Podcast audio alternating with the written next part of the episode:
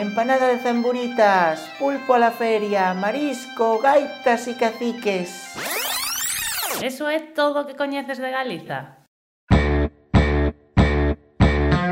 Rachamos cos tópicos. Somos herdeiros dunha dictadura cultural Fomos as víctimas dun ataque brutal Contra o noso Actualidade Feminismo, música, literatura, historia, regueiza e moito máis. Benvidas a Ireki Gaiola, o espazo galego de Bilbo Iría e Racía. Sanjenjo, Vivero, La Guardia, Órdenes, Buen Muerto, Puerto Sin, Puerto Son, Dime cantos son, son, un, 5, tres, cuatro, anos de represión.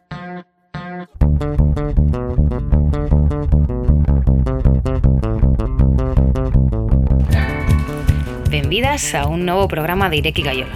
Hoxe senen en máis eu Iris, retransmitimos dende a 96.0 da FM en Bilbo Iría e Ratia.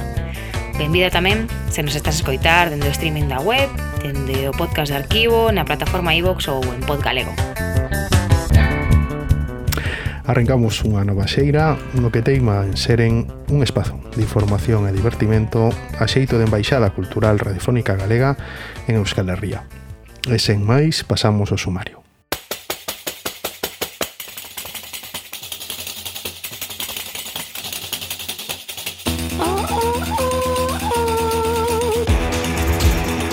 O programa de hoxe ven cargado de historia e de literatura. Teredes o placer de escoitar unha conversa co historiador Sergio Balchada Outeiral, que presenta esta semana o seu libro Galegos no Exército de Euskadi 1936-1937 o que falaremos sobre o papel dos migrantes galegos durante a Guerra Civil no territorio vasco. Ademais de libros vai a cousa, pois a nosa segunda convidada de hoxe é unha escritora e poeta, a santiaguesa Berta Dávila, que acaba de publicar por partida dobre a novela Os seres queridos e a novela juvenil Un elefante na sala de estar, coa editora Xerris. Da súa trayectoria e do seu entender da literatura falaremos hoxe. E a modo de aviso, o noso pasado convidado Samuel Lema, recentemente galardonado cun mestre Mateo pela laborametraxe en Jacinto, avísanos que poderemos ollar o filme no Vindeiro, Bilboco, Cinema Li Fantista Quio. Será o vindeiro sábado 7 de maio ás 19.50 na Sala 2 do Cinema Golem Alóndiga de Bilbao. E sen máis, comezamos ouvindo o último sinxelo do grupo Neboa, a que se chama A xente cea nas súas casas. Se deben vidas, pois, a un novo programa de Ireki Gaiola.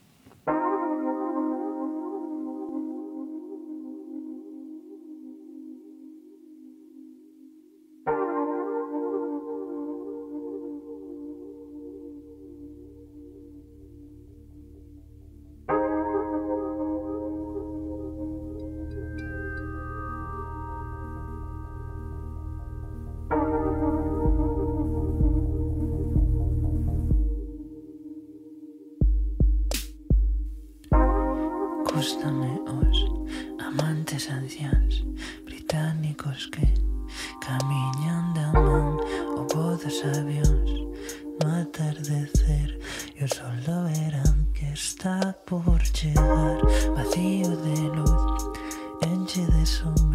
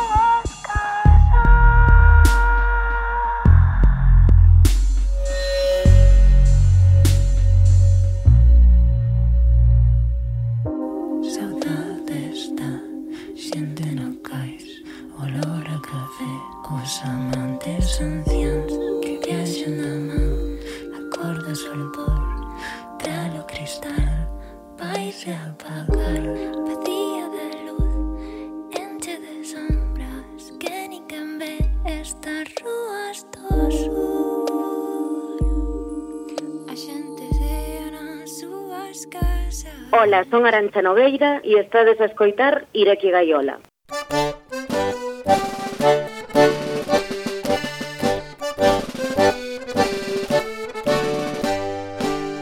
Agur maiteño gudara noian Askatasuna zaintzera O historiador mariñense Sergio Balchado Outeiral acompáñanos hoxe en Ireki Gaiola para falarnos do libro que recolle a súa investigación sobre os galegos migrados en Euskadi durante a Guerra Civil e máis o seu papel na loita. Galegos no exército de Euskadi 1936-1937 é unha publicación editada pola Deputación de Pontevedra e preséntase esta semana na Asociación de Recuperación da Memoria Histórica de Marín. Benvido a Ireki Gaiola, Sergio. Moitas grazas por falarse aquí con nós gracias a vos por, por vamos, por falar comigo e, e botarme un, unha man na divulgación do traballo. Sergio, como te chegaches o, o tema da investigación da, do libro?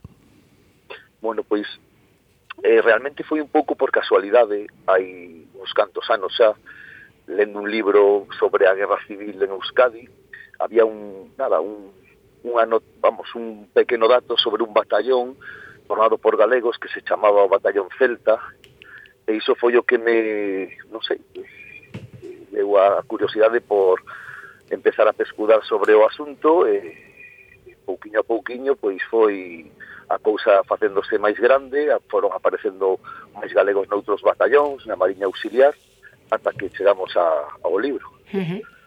eh, pois xa que nos falas do batallón celta na primeira resposta, contanos un pouco máis quen era ese batallón.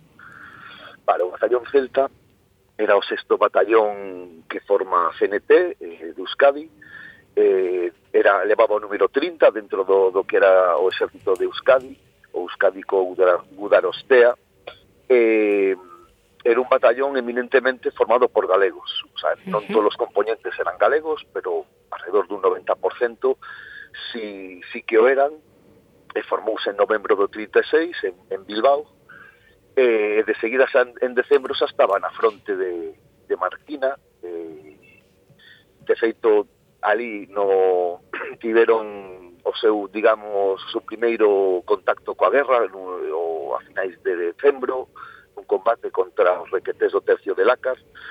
E, e bueno, logo eh, este batallón pois eh, foi combatendo noutros, noutras frontes e realmente foi un batallón bastante castigado, estivo en, en fregados bastante duros eh, e claro, tivo moitísimas baixas ata que xa ao final pois quedou un pouquiño en cadro eh, na batalla do Colicha, que foi unha das senón unha das últimas a derradeira batalla en, en Chambasco no que participou o Celta e quedou o pobre pois esnaquizado. Uh -huh. eh, como, aparte de, de de, bueno, esa, ese achegamento que dixeches, eh, como faz todo o proceso de documentación eh, imagino que durante anos cales foron as fontes que, que tiveches que consultar, eh, institucións, como foi un pouco, como fuches artellando non? a metodoloxía e o, e o contido do libro? Vale, primeiro o que fixen foi un, se, se chama un baleirado bibliográfico, que se a ler eh, libros sobre a guerra en Euskadi, máis que nada para situarme, para eh, aprender sobre, porque, bueno, non apenas eh, tivera contacto co tema da Guerra Civil en Euskadi, entón, bueno, pois, como, perdón? Non, non, non dixemos nada, ah, pode seguir.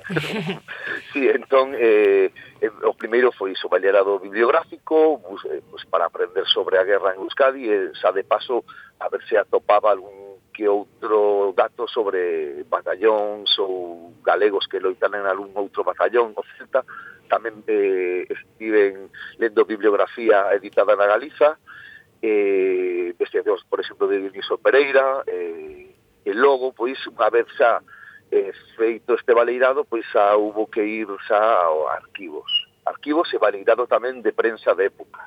Uh -huh. eh, arquivos como, por exemplo, o histórico de Euskadi, Salamanca, o, vamos, o, a memoria histórica de Salamanca, o militar de Ávila, e incluso tamén o provincial de Vizcaya, tamén eh, ali hai información sobre caídos en campaña, eh, a partir de todo isto, e logo, bueno, tamén, que me esquecía, eh, fontes orais, pois eh, xente que tivera contacto con milicianos galegos ou mesmo algún algún home eh, que José Chospariña, por exemplo, que foi fillo dun miliciano do batallón Celta, uh -huh. ele era moi cativo cando a guerra, eh, pero sí que se lembraba de pois pues, de algunha cousa, de como tiveron que abandonar eh, Trincherte eh, recalar en Bilbao, entón, bueno, pois pues, sí que sí que foi un pouquiño todo todo o puzzle foise montando pois pues, a, a través de toda esta de toda esta información que foi cando nas mans.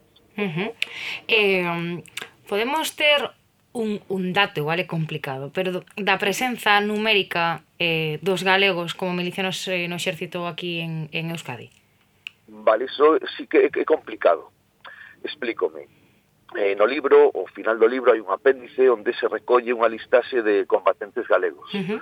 Eu cheguei a identificar a perto de mil, creo recordar que son 900 e algo, pero sí que me consta que houbo máis primeiro porque, bueno, eu eh, mm, para introducir a esta xente, digamos, eh, nesta listaxe, tiña que certificar por medio de fonte, das fontes manexadas que eran galegos, e moitos, a pesar de que tiñan apelidos que claramente apuntaban a que poderían ser galegos, pero ao non poder certificalo non se incluíron.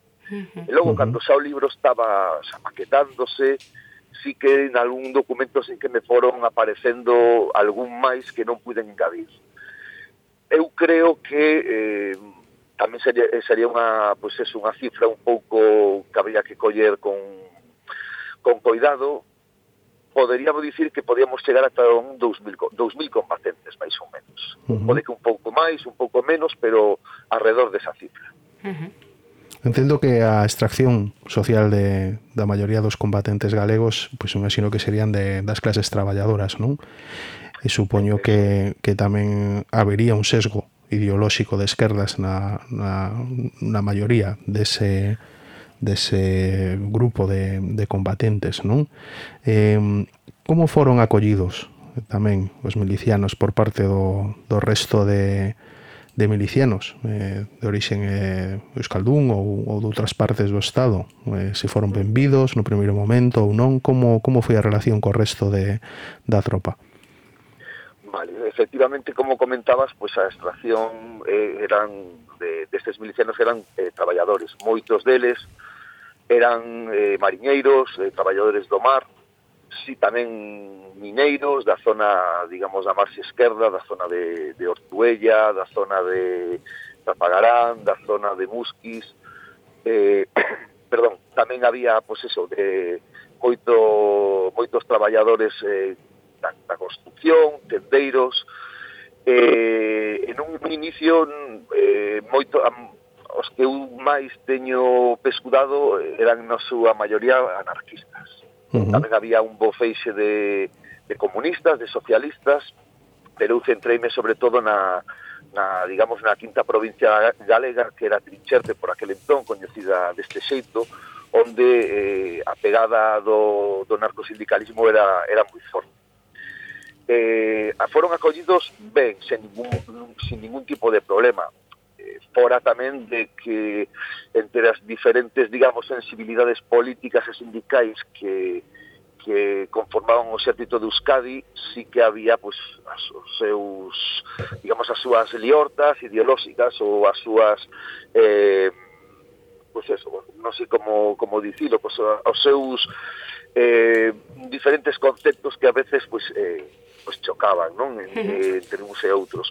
Pero en xeral non houbo ningún tipo, digamos, de, de, de senreira contra eles ou, ou algo así semellante. Simplemente, pois, pues, a veces sí que de alguna fonte se lles achacaba por allí o seu país, pois, pues, algunha que outra, pois, pues, algún que outro desmán eh, como por exemplo foi o, o incendio de, de Irún, cando foi a retirada de Irún en setembro do 36.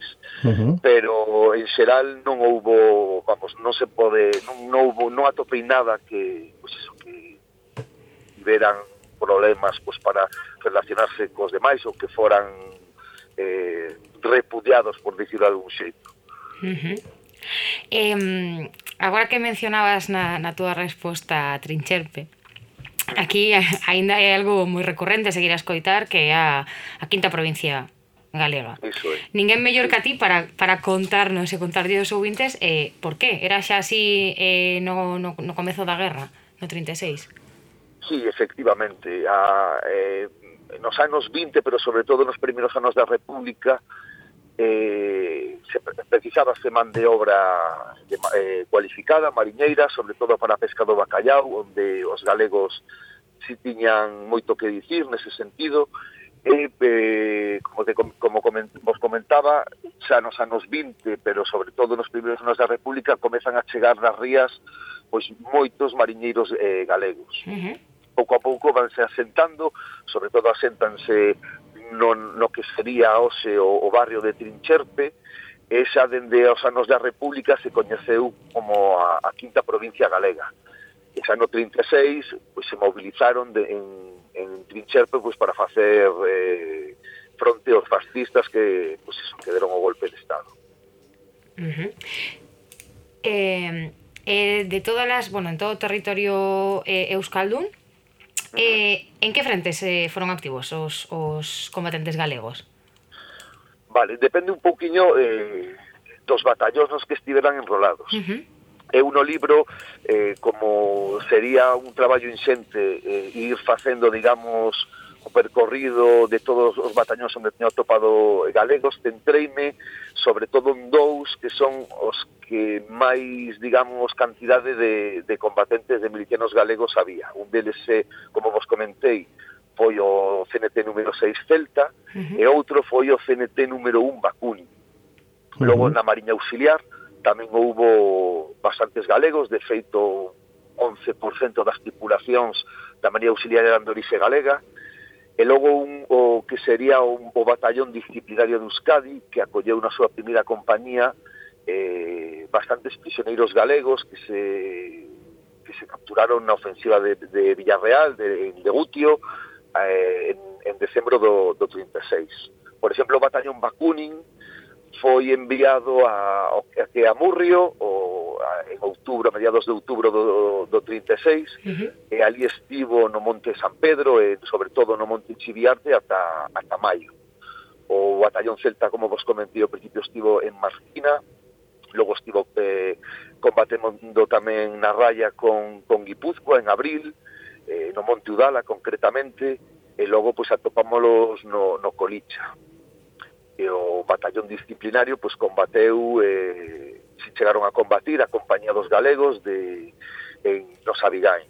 Entón sí que estiveron metidos en, en bastantes batallas eh, potentes e importantes que se deron en, en Chambasco. Uh -huh. E que valoración atopaches nas, nas fontes sobre, sobre o comportamento en, en combate?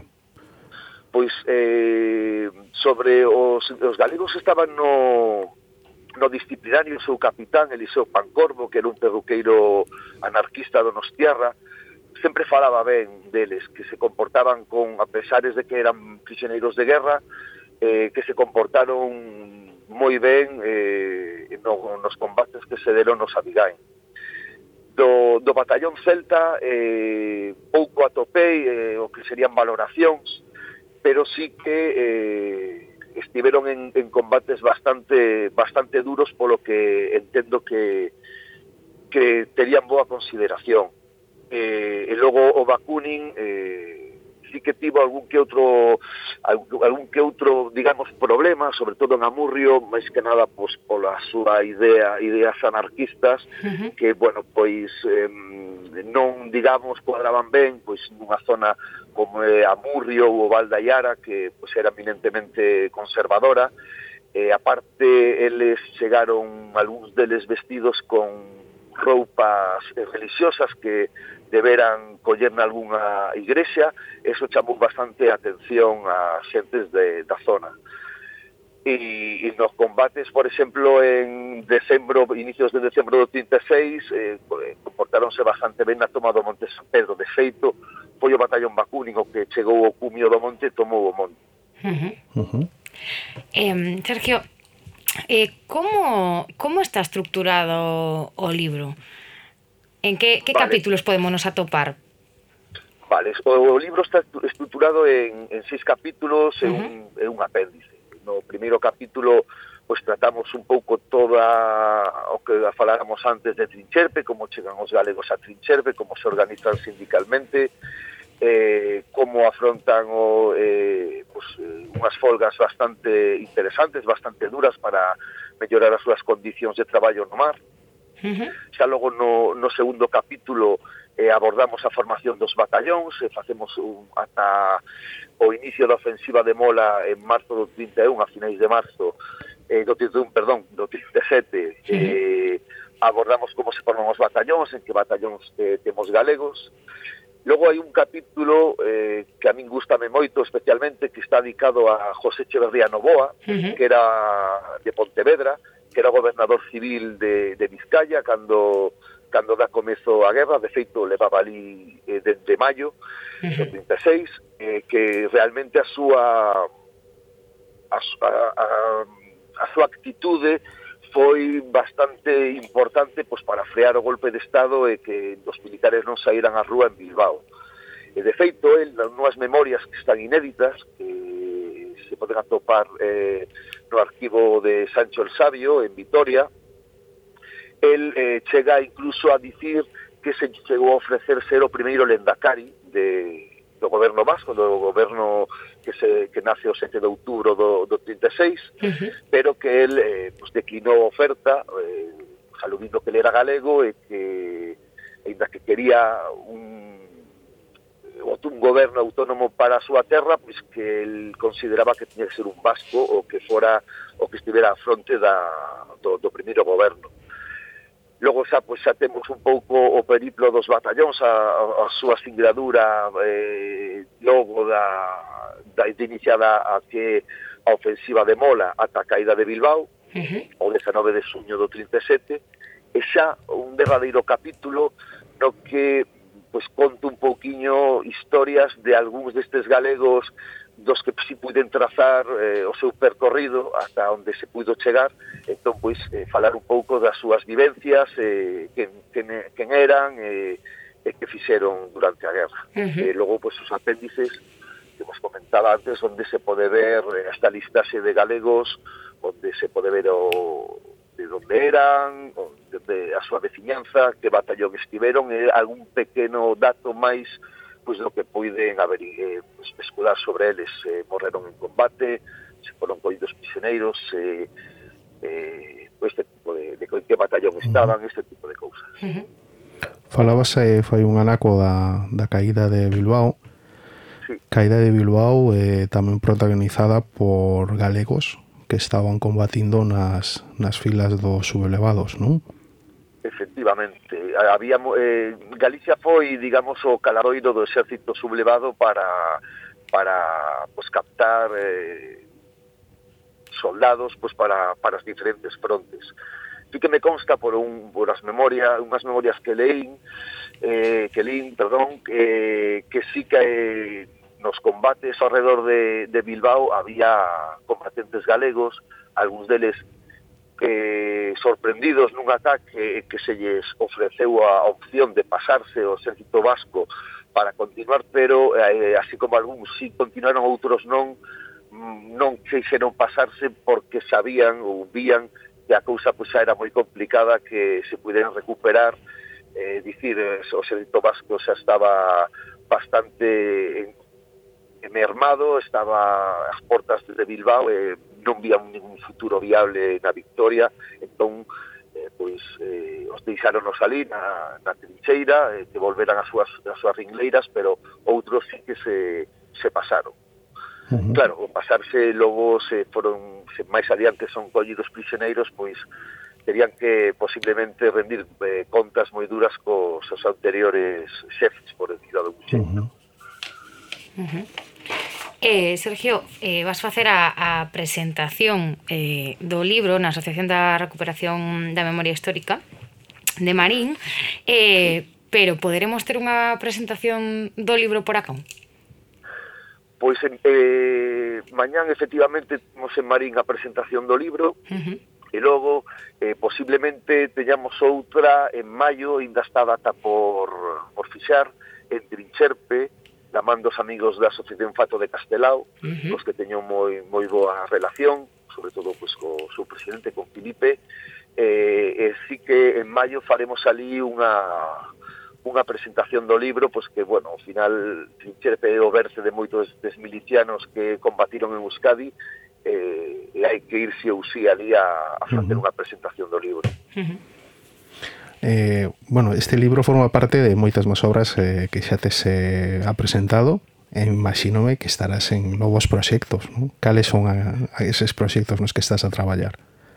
Pois pues agora mesmo estou eh, traballando noutra, noutra investigación de guerra civil, non, nada, non ten nada que ver co, cos temas de galegos. Uh -huh. Desta vez, eh, bueno, eu viví moitos anos no Valdallaga, agora vivo en Amurrio, eh, por ali, bueno, que é a zona da Iara, eh, sí que foi fronte de guerra, entón estou un pouquiño a facer pois, unha investigación sobre como foi a, a guerra no, no actual municipio de, de Ayara.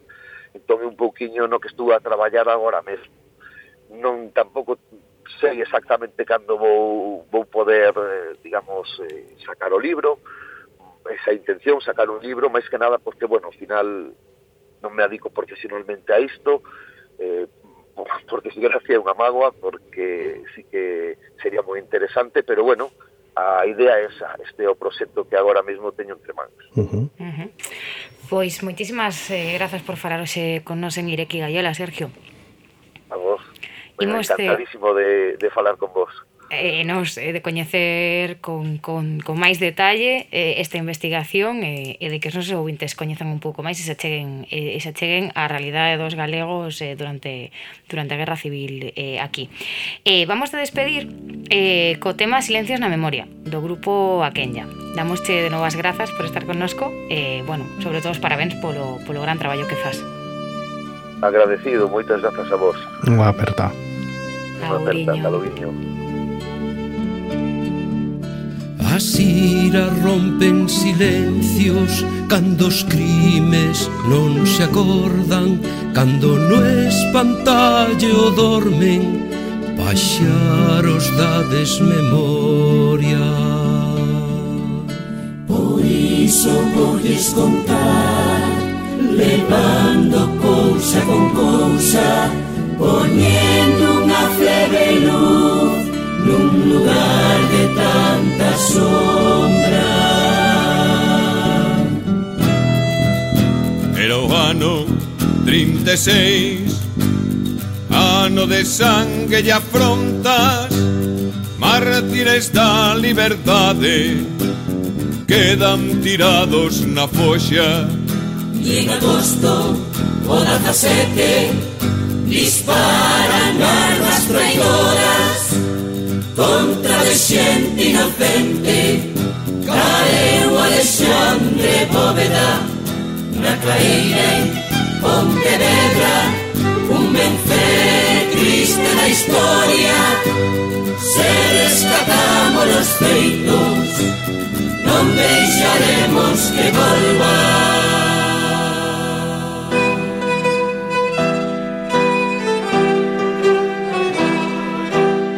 guerra civil encheunos a memoria de foxas e o corazón de baleiros. Foi unha victoria que non trouxo a paz, porque compre romper os silencios, recuperando esa, a súa voz necesaria, de canto salía perderon.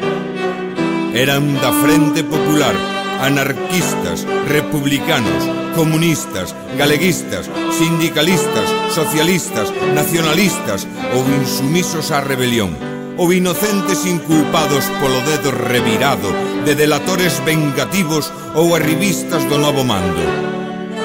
Militantes todos eles dun anceio común que exaltaba a dignidade humana e a dos povos. Querían dar creto á esperanza, esa que aínda hoxe semella que non chega. Eran vos e xenerosos, defenderon o soño dun mundo mellor e máis feliz.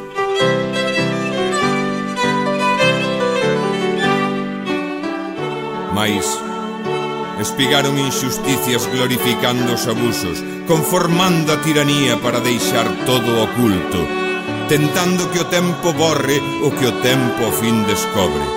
Ninguén a culpa hoxe asume. Os herdeiros da victoria van diante e van dicindo que é botar máis leño ao lume.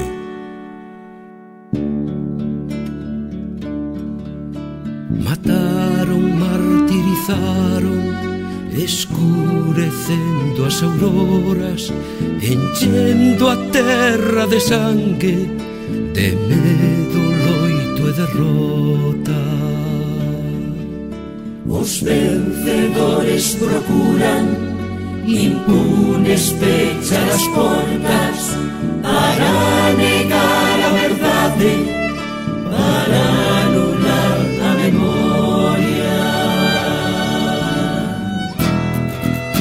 venceron e aínda seguen administrando a victoria aqueles que indoxe queren facer a noite máis longa.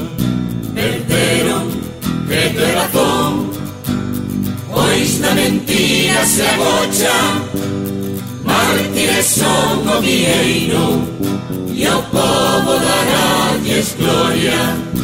A tantos que un día soñaron, unha Galicia máis nosa, pioneiros da liberdade, serán lembrados con honra, serán lembrados con honra.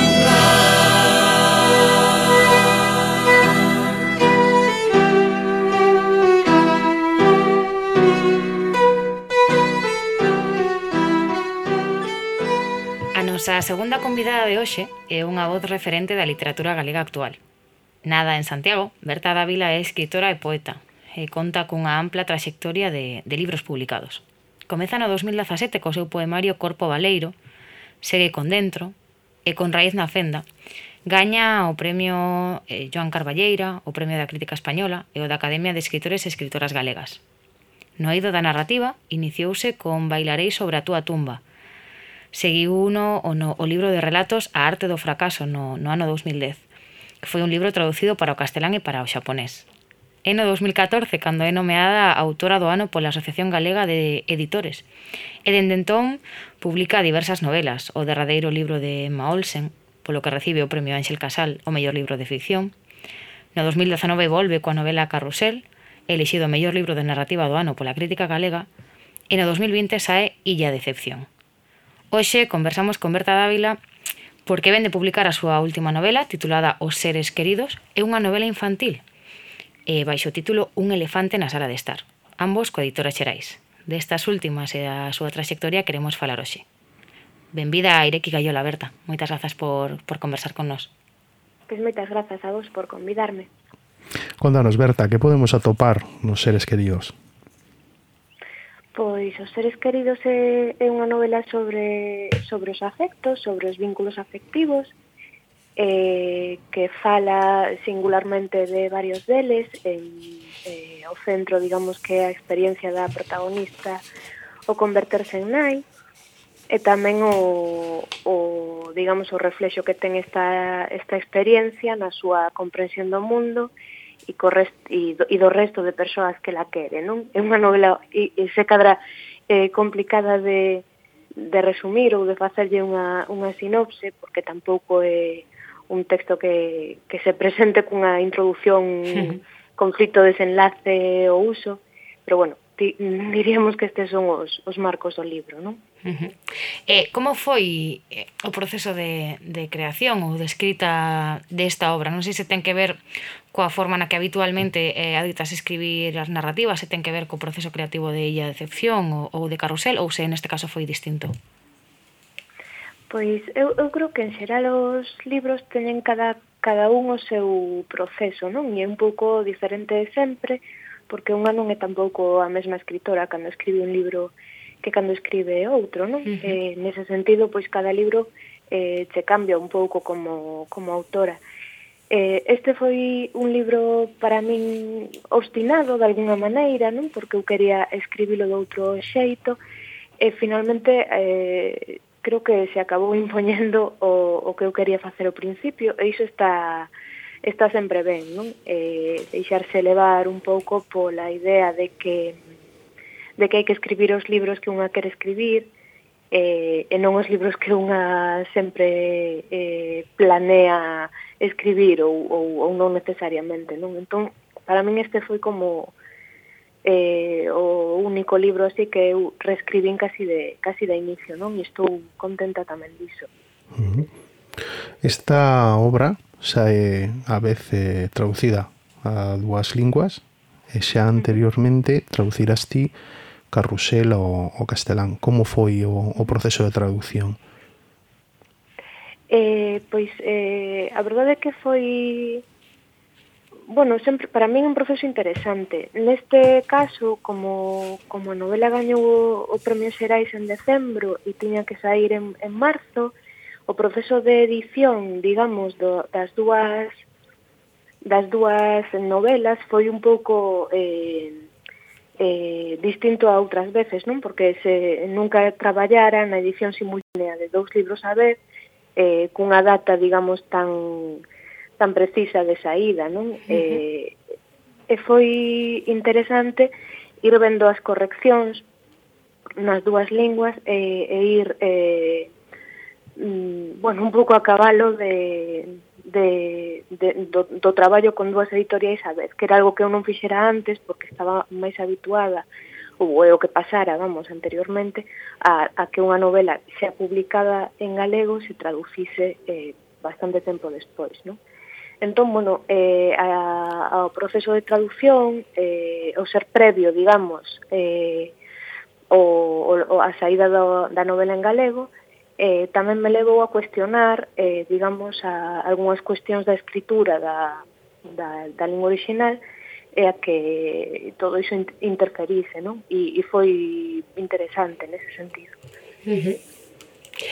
E, e agora neste, neste 2022, como dicíamos o, o comezo da entrevista, tamén sae eh, un libro de literatura infantil e juvenil eh, un, un máis dos que xa tiñas escrito que se chama Un elefante na sala de estar. Non sei, contanos que podemos atopar nesta novela. Pois é unha novela juvenil eh, para min foi moi grato escribila porque ademais eu tiña moitas ganas de facer literatura juvenil e nunca fixera eh, nada así eh, e si tiña moitas ganas de, de facelo E é unha historia sobre un personaxe que está ausente, digamos, que, se, que é Rosa, que é a protagonista de algún xeito, contado polas voces de, de todas as persoas que a rodeaban, non? despois de que ela xa non estea con cos demais, non? Uh -huh. Entón, eh, é un libro sobre, sobre un proceso de loito eh, ao longo dun ano, non? E, e realmente eh, gustoume moito facer este libro, son personaxes os que lles quero os que lles quero ben, que ademais están case todos os eh, personaxes que falan no libro por unhas cousas ou por outras diría que me caen ben iso, uh -huh. está, iso é interesante tamén eh, e nada, o sea, con bastante así, con bastante ilusión, non? De ver como como recibe unha novela juvenil, pois un público como é o electorado mozo, non? Eh, pois que non que non, digamos que non, que non teño experiencia, non? E, e e así con, con ganas. Sí, eh, falando do público, xa que xa que non lo comentas, non? Eh, Como valoras as respostas dos leitores e das leitoras ás túas obras? Quer dicir, notas unha diferencia no, no quizáis no feedback ou na resposta do, dun público máis juvenil a un, a un público máis adulto?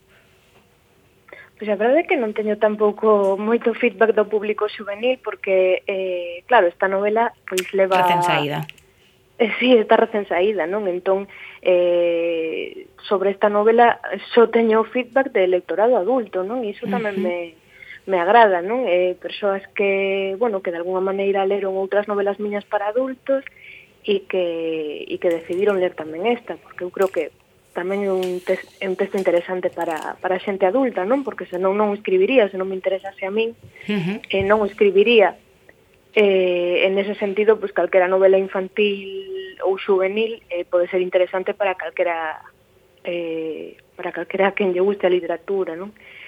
Eh, e non sei se hai non sei se hai diferencia, supoño que algunha haberá ou que eh, de algún xeito eh, bueno, se ten que notar, non? Eh, pois o, o, o momento de lectura que, que un lector atravesa, pero tampouco teño moi claro. Entón, pois nada, contarei vos cando, cando comece a ter feedback de, de rapaces e rapazas. Uh -huh. eh, dun xeito así máis biográfico, eh, uh -huh. que, que para ti a escrita? Esta vocación que te, que te acompaña cando, cando comenzaches a ter pois un pouco a, a necesidade de, de escribir e como te foi acompañando a to día de hoxe? Pois, eh, para min, eu creo que a, a escrita e a lectura, sobre todo, non eh, están desde o principio.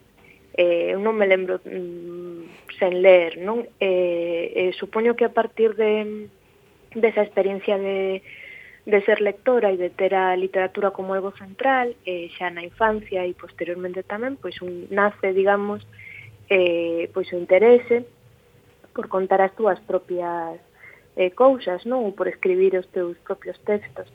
Eh, no meu caso foi unha experiencia bastante natural, o sea, fun escribindo cousas e fun tendo a fortuna de, de, de que visen a luz e que e de que tivesen pois unha recepción eh, bueno, pois favorable, non? Que me permitise seguir escribindo e, e non é moi distinto agora a como era hai dez anos, non? Eh, para min a, a parte bonita de, de ser escritora é poder escribir, eh, é unha cousa que me fai feliz e que me gusta facer.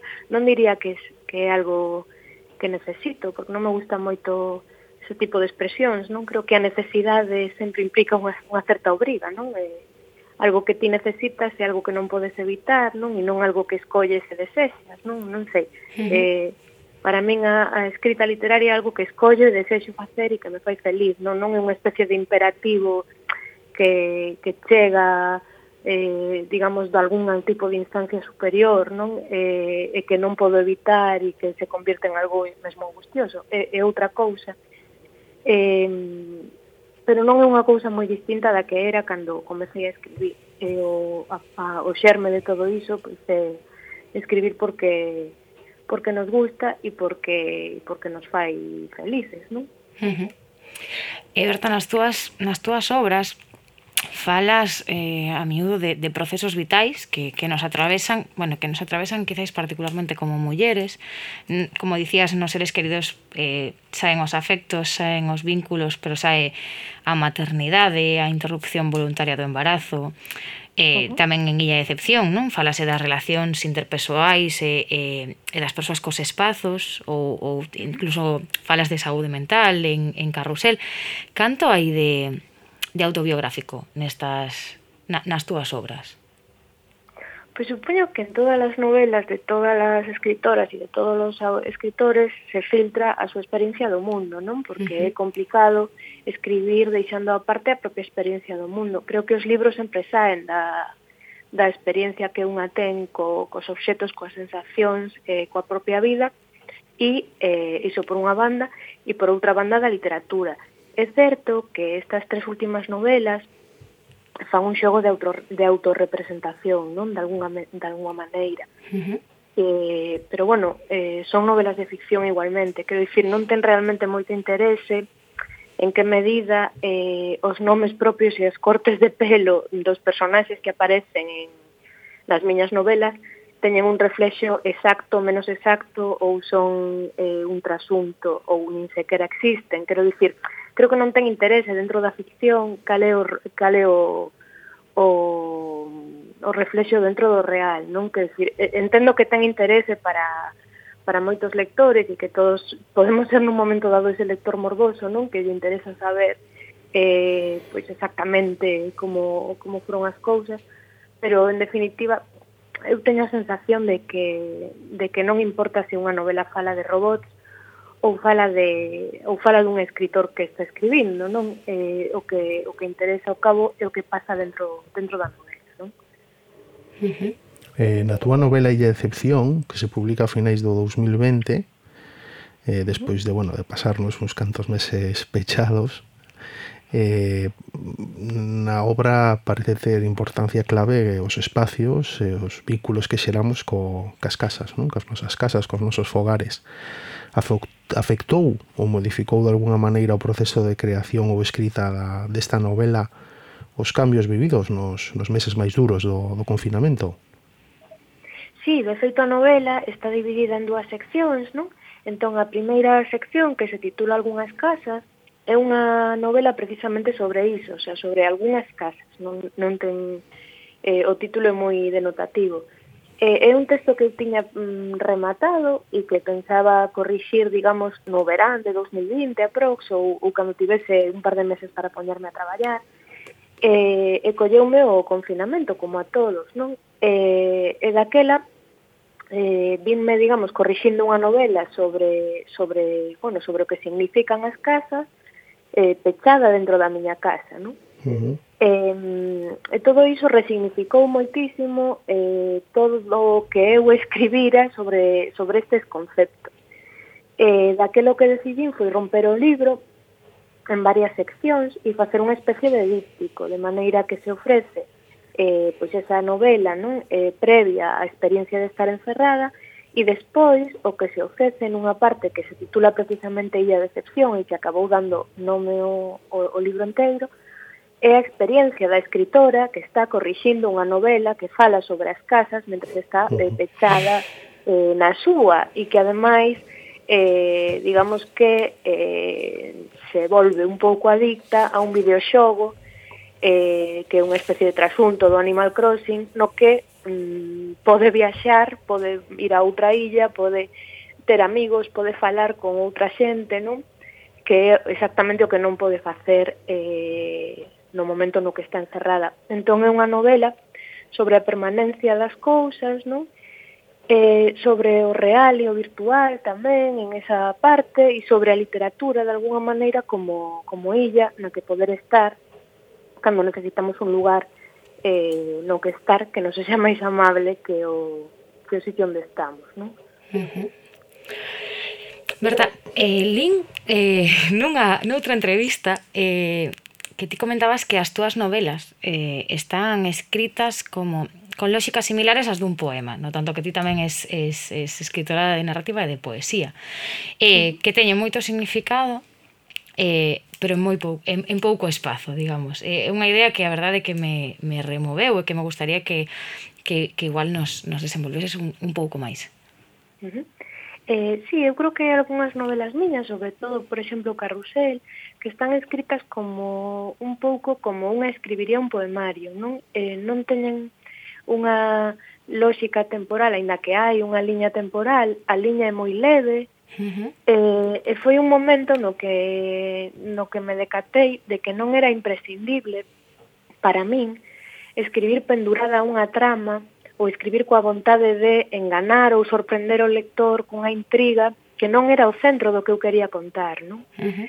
Entón, eh, para min era un pouco a idea de que o que quería trasladar é unha atmosfera, unha serie de significados, unha rede simbólica, eh, unha serie de cuestións que quería contar, eh, e que quería contar nunha novela, non?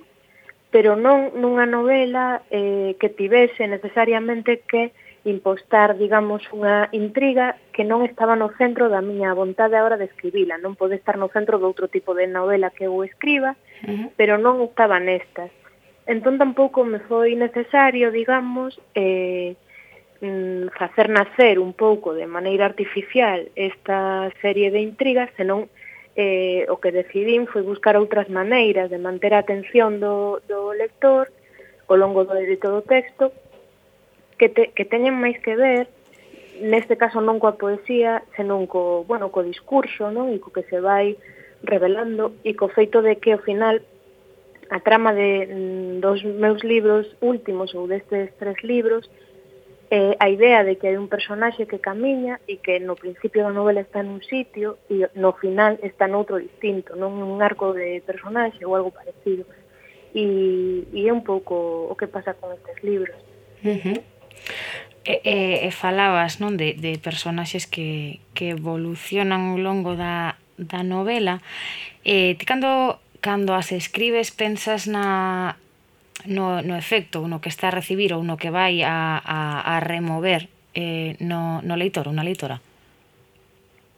Eh, eu mm, creo que non penso moito en como os meus libros van ser recibidos mentre escribo, porque ao final eh, creo que se trata de escribir o que queres escribir, e uh -huh. se acabas escribindo o que pensas que se vai recibir dunha maneira ou doutra, eh, acaba perdendo sentido para min, non? Porque entón non compensa, quero dicir, non compensa eh, escribir aquilo que non queres escribir. Uh -huh. Non vexo ninguna razón para facelo, non? Eh, pero sí é certo que algunhas veces eh, sí que penso en, eh, sí que me preocupa de alguna maneira a recepción eh, ou, a, ou, a, ou, a, ou, ou de alguna maneira como determinadas temáticas poden condicionar a recepción dos meus libros, uh eh, eh, sí que algo eh, que ás veces me produce certa, certo conflicto interno, non? Eh, pero sempre o resolvo igual, e sempre o resolvo escribindo o que me peta a min, e o que me, e o que me apetece a min escribir, e o que penso que é coherente coa, coa poética do libro e co que o libro me pide, non? Eh, pero bueno, non significa que, que non o pense, non si que o penso, pero non, non lle fago moito, moito caso. Uh -huh. Uh -huh. Eh, adoitamos facerlle esta pregunta a moitas convidadas que temos no, no programa de radio, eh, eh, entendemos que todas as respostas que nos foron dando son válidas. encantanos coñecer eh, a variedade que, que hai, non? Eh, a, a pregunta que soemos facer, Berta, eh, é que é para ti a galeguidade? Uf, pois non o sei. eh, é unha cousa sobre a que estiven pensando eh, últimamente últimamente igual dende hai un ano e pico, non? Eh, non sei o que significa para min e, e sí que é certo que mm, ás veces tiven a sensación de vivir un pouco na contra, eh, non o sei, ou de que ou de que se xera unha especie de contexto no que eh, o, o que é propio nunca é suficientemente interesante para nós mesmas. Non, non digo para min, para min sí que o é, pero Mm, non, non o teño moi claro. Eh, lembro cando eu era adolescente, isto é o que falei hai pouco cunha amiga, eh, que como, como se representaba os personaxes que eran galegos nas ficcións, non? nas ficcións televisivas, na ficción eh, de todo tipo que consumíamos. Eh, en xeral, eh, claro, eran personaxes absolutamente estereotipados, pero ademais con estereotipos que non nos agradaban, non? Eh, Eh, esta amiga comentábame que ela botaba de menos mesmo eh, non xa non ser un estereotipo, senón ser outro distinto. Uh -huh. eh, polo menos ser outro distinto e ser o estereotipo do andaluz que é gracioso e non ser ese galego túzaro e absolutamente insoportable que aparece en determinada ficción. E falábamos de que eh, algún personaxe si galego, e lembro, por exemplo, o personaxe que interpretaba Víctor Mosqueira en Upadans, Uh -huh. Non sei se vos lembrades daquela serie sí. moi mítica sí. da miña adolescencia. Eh, e lembro que eh, as miñas amigas daquel momento eh, máis eu eh, falar dese personaxe e moitas delas dicir non, non, pero non é galego, creo que era Cristóbal ou algo así, non sei, era un profe normal, ou sea, era un, bueno, pois pues un señor que era de Galicia e estaba en Madrid dando clases nun, nun lugar E, e, e lembro discutir ou ter unha, un certo debate, non, non, non é galego tal, pero sí é galego. E, e esa sensación, non, a de dicir, ostra, non podíamos atribuirlle a galeguidade a ningún personaxe que non fose o estereotipo da, da galeguidade visto desde fora. E creo que ás veces é iso, creo que nos miramos desde dentro moitas veces como nos venden de fora. Uh -huh. eh, creo que representamos, de alguna maneira, unha galeguidade bretemosa, eh, un pouco extraña, non? O sea, somos ás veces o que os demais agardan que non sexamos eh, sendo galegos, non? Eh, e iso é algo que me, que me causa bastante bastante conflicto. Eh, logo xa lembro que me estou enrollando moito para rematar, lembro ser adolescente tamén e que as historias que me interesaban do pasado, familiar e demais, eh, nunca era, sempre adoitaban ser mm, aquelas que eran como equiparables o que podía sair en cuéntame, non? que non ten absolutamente nada que ver coa infancia ou coa adolescencia eh, nos anos 70 eh, aquí, non ten nada que ver, pero era como unha privación de referentes, non? E penso que estamos aínda nese, nese punto, non? no punto de representar eh, o que é galego como os demais agardan que o representemos e no punto de eh, non ter un referente claro, que igual está ben tamén non telo, non sei. Pois, Berta, moitas grazas porque, bueno, como dicías en, en mentre formulaba a pregunta, eh, encantanos ver a variedade de respostas que poden sair a, a, a unha mesma pregunta para rematar a entrevista non podíamos non podía non podía faltar a, a unha escritora como a ti que nos comente que libros hai na meseña de noite para ler de Berta Dávila. Pois agora mesmo estou lendo a Lauren Grove, que é unha escritora americana, uh -huh. estou lendo un libro de contos que se titula Florida, que edita Lumen, que xa ten tempo, e que é maravilloso, así que é un libro que recomendo. E teño outro libro, en este caso de Otessa Mosfet, que tamén é unha uh -huh. escritora americana, que é un libro de contos que se titula Nostalgia de outro mundo, que non é recente, é un libro anterior a outras novelas súas que, que eu xa lera, pero que se saiu agora hai, hai un par de semanas en, en Alfaguara e que, bueno, non sei se si non o lin aínda, pero aí está agardando e supoño que, que como todo o que escribe, pois tamén é digno de recomendarse. Obrigadísimas pola conversa Berta. Eh, antes de rematar, imos escoitar Vodka, unha canción de Emilio José que, que bueno, ti decidiches que, que puxéramos para, para finalizar a entrevista. Por que esta escolla de, deste, de deste tema? Pois non sei, non hai un porqué. Unha canción que me gusta moito, é un disco que me gusta moito, que me parece fascinante e que non me cansarei nunca de escoitar, que o Chorando Apréndese. E, e creo que, que é unha canción eh, que todo o mundo debería escoitar moitas veces. Así que, pois, aí, aí queda, non? Uh -huh. Pois aquí llas deixamos eh, ya deixamos aos nosos ouvintes moitísimas, moitísimas, moitísimas grazas por estar xe con nos, Berta. Moitas grazas a vos. Un placer, unha aperta moi grande dende Bilbao e Riacia, dende Bilbao. Eh, nada, continúa, continúa co, ca túa tarefa. Moitas grazas a vos. Deixame pesado ese momento máis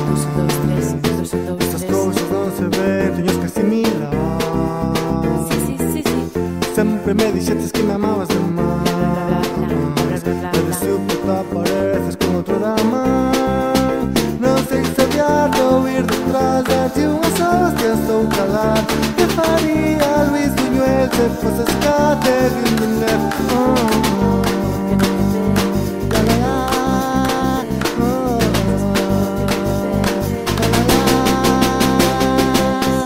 Xullo 17 teño móvil na man. E chegou o momento de, de despedirmonos Vémonos dentro de 15 días.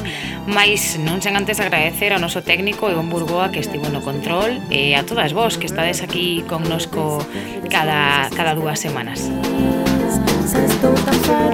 Foi un placer tervos na, na sintonía da Bilbería Ratia e tamén vos animamos este xoves a acudir ao concerto de Bayuca que vai a dar no Café Anchoqui de Bilbao e supoño que será unha xuntanza de galegas e galegos para, para bailar o ritmo deste músico galego.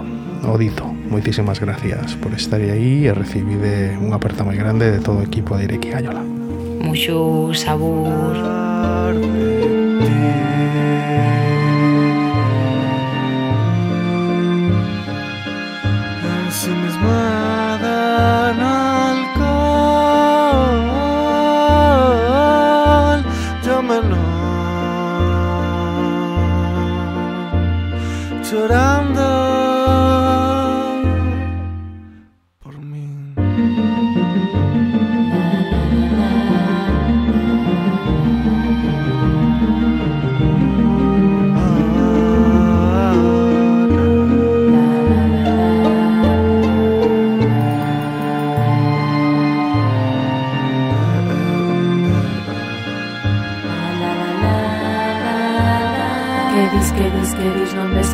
peor. Eu só me apartei para poder vivir Non sabes que vou e non terte arredor Podo ir ali, podo ir alá Bailei con meu amor, ñe, ñe, ñe, ñe, ñe, Pero xa non son eu porque eu agora son feliz. Eu nunca te quise enganar así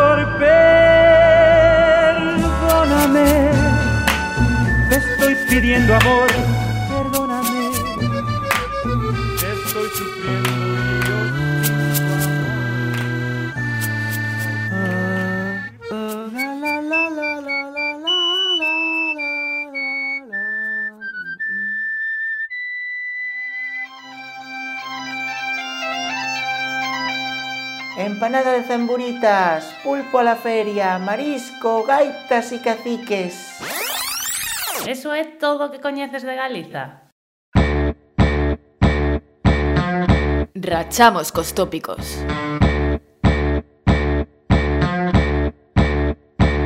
Somos herdeiros dunha dictadura cultural Fomos as víctimas dun ataque brutal Outro Actualidade Feminismo, música, literatura, historia, regueifa e moito máis. Benvidas a Ireki Gaiola, o espazo galego de Bilbo Iría e Racía. Sanjenjo, Vivero, La Guardia, Órdenes, Buen Muerto, Puerto Sin, Puerto Son, Dime cantos son, son, un, dos, tres, cuatro, seiscientos anos de represión.